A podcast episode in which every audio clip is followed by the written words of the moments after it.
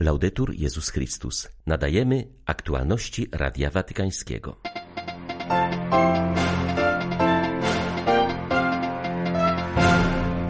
Prawdziwe piękno rozbudza tęsknotę za Bogiem, powiedział papież na audiencji dla stowarzyszenia, które promuje we Francji współpracę artystów i kościoła. Różaniec to najpiękniejsza modlitwa Maryi, dzięki niej przetrwałem prześladowania, mówi przebywający w Watykanie 95-letni kardynał Simonis, który spędził 28 lat w komunistycznych więzieniach w Albanii. Rosjanie zabijają nas tylko dlatego, że jesteśmy Ukraińcami, mówi arcybiskup Światosław Szewczuk, apelując o powszechne potępienie rosyjskich zbrodni. 15 lutego wita Państwa Krzysztof Bronk. Zapraszam na serwis informacyjny. Kultura piękna zawsze wprawia nas w ruch. Spotkanie z pięknem Boga pozwala nam na nowo rozpocząć drogę ku bardziej ludzkim i braterskim społeczeństwom. Powiedział papież na audiencji dla Diakonii Piękna. Jest to istniejące od 12 lat we Francji stowarzyszenie, którego cel stanowi wzajemne zbliżenie artystów i Kościoła.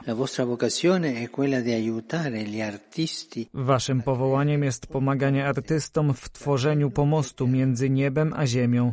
Chcecie obudzić w nich poszukiwanie prawdy, ponieważ piękno zaprasza nas do innego sposobu bycia w świecie. Chodzi o kontemplację. Rzeczywiście, piękno sprawia, że czujemy, iż życie zmierza ku pełni.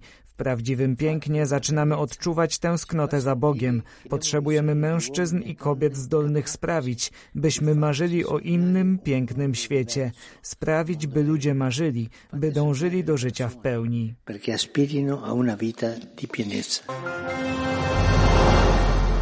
Nadeszły niepewne czasy, doprowadzamy świat do niebezpiecznych granic. Klimat się zmienia, zasoby są plądrowane, konflikty i kryzys gospodarczy zagrażają bytowi milionów ludzi. Pisze papież w przesłaniu do Międzynarodowego Funduszu Rozwoju Rolnictwa. Franciszek podkreśla bolesną dychotomię współczesności. Podczas gdy miliony osób dotyka głód lub niedożywienie, z drugiej strony dochodzi do marnowania jedzenia w olbrzymich ilościach. Ojciec Święty stawia w odpowiedzi na kooperację. Papież zaznacza, że wspomniane problemy dotykają w pierwszym rzędzie wspólnot rolniczych. Ofiarami tych źródeł cierpienia padają również ludy rdzenne wielu rejonów ziemi. Wszystko to odbija się szczególnie na kobietach i młodzieży pozbawionej często perspektyw. Ta rzeczywistość zmusza nas do rozwiązywania istniejących problemów, w szczególności głodu i nędzy, nie poprzez zadowalanie się abstrakcyjnymi strategiami lub nierealistycznymi zobowiązaniami, ale poprzez kultywowanie nadziei płynącej ze wspólnego działania, stwierdza Franciszek. Papież ustalił temat czwartego Światowego Dnia Dziadków i Osób Starszych. Są to słowa zaczerpnięte z psalmu 71 w starości Nie opuszczaj mnie.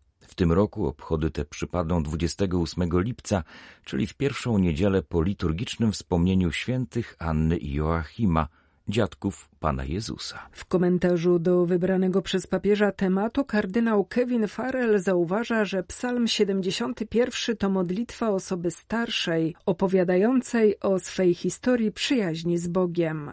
Natomiast samotność, o której mówi psalmista, jest niestety powszechną rzeczywistością dotykającą dziś wiele osób w podeszłym wieku. Często padają one ofiarami kultury odrzucenia i uważa się je za ciężar dla społeczeństwa. Prefekt dykasterii do spraw świeckich, rodziny i życia zauważa, że w obliczu tej rzeczywistości rodziny i wspólnoty kościelne są wezwane do promowania kultury spotkania, do tworzenia przestrzeni dzielenia się, słuchania, oferowania wsparcia i czułości. W ten sposób miłość Ewangelii staje się konkretna, dodaje kardynał Farel.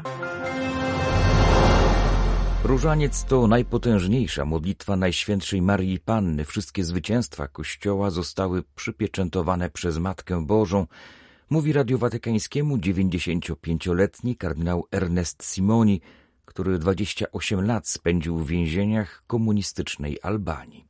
Przyznaje, że to właśnie dzięki tej wytrwałej codziennej modlitwie przetrwał prześladowania i to też zawsze zaleca wszystkim wiernym.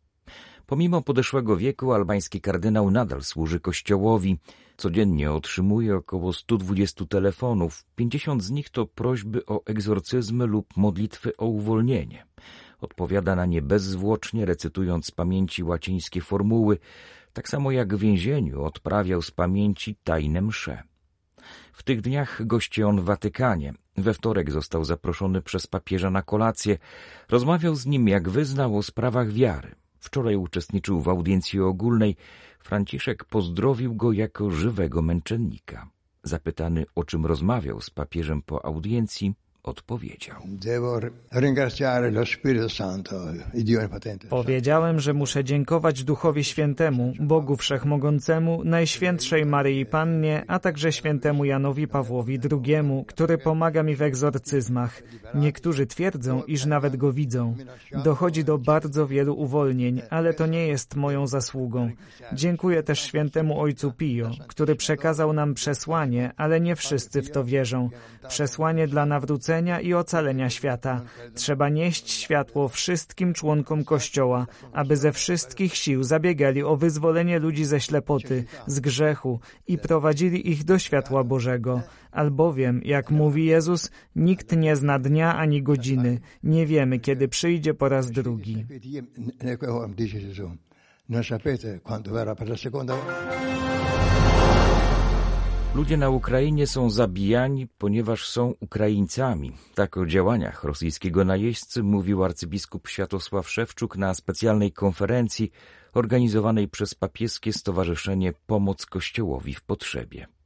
Podczas wczorajszego spotkania pod tytułem 10 lat wojny na Ukrainie hierarcha zaznaczył, że to bardzo ważne, by potępić zbrodnie wojenne. Tylko w samym styczniu najeźdźcy zabili co najmniej 641 cywilów, jak podaje misja ONZ do spraw monitorowania praw człowieka na Ukrainie. To aż o 37% więcej niż w listopadzie, bowiem agresor zintensyfikował ostrzały miejscowości oddalonych od linii frontu. Arcybiskup Większy Kijowsko-Halicki podkreślał także tragedię dzieci. Według oficjalnych danych z powodu wojny zginęło ich już ponad 500, a więcej więcej niż 1200 zostało rannych. Ponadto licznych nieletnich z terenów okupowanych deportowano do Rosji, często rozbijając tak rodziny. Zwierzchnik ukraińskich grekokatolików wskazał również na trudności w działalności kościoła stwarzane przez najeźdźców, jak na przykład wygnanie lub aresztowanie księży z zajętych przez agresora ziem. W obliczu zbliżającej się drugiej rocznicy wybuchu pełnoskalowej wojny na Ukrainie rycerze Kolumba zachęcają wszystkich katolików do wspólnej modlitwy nowenną o pokój i uzdrowienie. Dziś pierwszy dzień nowenny. Chcemy w ten sposób zachęcić katolików na całym świecie, ludzi dobrej woli, żeby pamiętali o losie Ukrainy, mówi Szymon Czyszek, dyrektor rycerzy Kolumba do spraw międzynarodowego rozwoju w Europie nowennę właśnie w intencji pokoju i uzdrowienia dla Ukrainy. I zapraszamy wszystkich do wspólnej modlitwy. W wielu krajach świata, w Stanach Zjednoczonych, w Kanadzie, w Polsce, w Ukrainie, także w innych miejscach, gdzie działają rycerze Kolumba. Intencje nowenny każdego dnia skupiają się na innej grupie poszkodowanej przez wojnę. Za wdowy, sieroty, rodziców, które straciły dzieci podczas wojny, weteranów, osoby, które są uwięzione, ale także młodych z Ukrainy, którzy w obliczu wojny pytają się, jaka jest ich przyszłość, jaka jest przyszłość ich kraju, jaka jest przyszłość ich życia. Wojna w Ukrainie cały czas trwa. Naszą gorliwą modlitwą możemy odmienić sytuację w tym kraju, dodaje Szymon Czyszek. Wojna nie skończyła, ludzie wciąż umierają, ludzie wciąż cierpią. To, co my jako rycerze Kolma chcemy zrobić, to dać głos właśnie Ukraińcom, którzy poprzez swoje cierpienie i to doświadczenie zła mogą dać świadectwo, że zło nie ma ostatniego słowa. Treść nowenny można znaleźć na stronie rycerzy Kolumba w Polsce. Dla Radia Watykańskiego Dorota Boratyn, Radio Via, Forum Niezależnych Rozgłośni Katolickich. 960 godzin w intencji nienarodzonych dzieci i pokoju na świecie to wielkopostna inicjatywa Wielki Post dla Życia Katolickiego Stowarzyszenia Młodzieży Diecezji Legnickiej. Choć stawanie w obronie życia nie jest modne, to chcemy dać to świadectwo. Wierzymy, że sprawia ono dużo dobra, mówi w rozmowie z Radiem Watykańskim Ewelina Wołoszyn, prezes KSM Diecezji Legnickiej. Więcej na ten temat Karol Darmoros z Polskiego Radia. Proszę powiedzieć, na czym polega ta akcja, skąd inspiracja właśnie do takiej formy modlitwy? Nasza akcja polega oczywiście na zapewnieniu tych godzin modlitwy, dokładnie 24 godzin modlitwy każdego dnia Wielkiego Postu i intencją jest ochrona życia. Tutaj myślimy od poczęcia do naturalnej śmierci. Więc modlimy się w intencji dzieci nienarodzonych, a także pokoju na świecie, który także łączy się z tą naszą intencją ochrony życia. Też my jako młodzi uważamy, że życie to nasz największy dar, że dzieci nienarodzone są bezbronne, nie mają własnego głosu, więc to my musimy podjąć akcję, żeby stawać w ich obronie. Tym naszym głównym narzędziem jest modlitwa. Czasy są trudne, no nie ma co ukrywać, że mówienie o ochronie życia od y, poczęcia do naturalnej śmierci no nie jest czymś modnym, szczególnie w młodym pokoleniu, czy właśnie ta akcja ma służyć też takiemu pokazaniu, że to nie jest tak, jakby się mogło wydawać, że nie ma co generalizować i ten postulat troski o życie, ochrony życia jest uniwersalny, międzypokoleniowy. Tak, jak najbardziej. Jest to właśnie takie nasze wypowiedzenie tego, że cenimy życie. My jako młodzi ludzie staramy się uświadamiać innym i też staramy sami siebie edukować na temat tego, że stawanie w obronie życia i właśnie bronienie tych wartości jest bardzo ważne, mimo tego, że czasami nie jest modne, czasami wydawałoby się wręcz, że młodzież jest taka bardzo w drugą stronę ukierunkowana. Jednak my wręcz e, chcemy dawać to świadectwo. Wierzymy, że to sprawia dużo dobra, to sprawia, że ludzie także mogą się na chwilę zastanowić, zobaczyć człowieka młodego, może właśnie trochę po tej drugiej stronie, pomyśleć, że rzeczywiście te nasze działania mają głęboki sens. Jan Paweł II. Teologia ciała. Rozpoczęliśmy analizę słów zapisanych przez wszystkich trzech ewangelistów synoptyków Mateusza, Marka i Łukasza. Są to słowa, w których Chrystus odwołuje się do przyszłego zmartwychwstania, do zmartwychwstania ciał. Słowa te zostają wypowiedziane w rozmowie z saduceuszami, którzy nie wierzą w zmartwychwstanie. Chrystus tym właśnie rozmówcom powiada: Jesteście w błędzie, nie znając pisma ani mocy Bożej. Nie znając pisma, chociaż oni uważali się za znawców, za doktorów, uczonych w piśmie.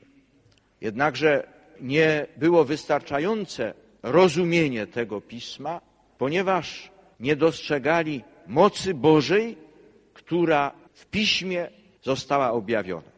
A ta moc się objawia się chociażby w słowach wypowiedzianych przez Boga Jahwe do Mojżesza: Jestem Bogiem Abrahama, Izaaka i Jakuba, Twoich ojców. Chrystus dodaje: Nie jest Bóg umarłych, ale żywych. Dla Niego wszystko żyje. I tutaj jest to spotkanie naszego ludzkiego doświadczenia, bo przecież dla ludzkiego doświadczenia, dla świadomości historycznej, ci wszyscy wymienieni Abraham, Izaak, Jakub, Mojżesz nie żyli, należeli do grona umarłych, a dla Chrystusa żyją z mocy Boga, żyją w Bogu. Całość katechezy o teologii ciała na polskiej stronie Vatican News w YouTube oraz głównych platformach podcastowych. Były to aktualności Radia Watykańskiego. Laudetur Jezus Chrystus.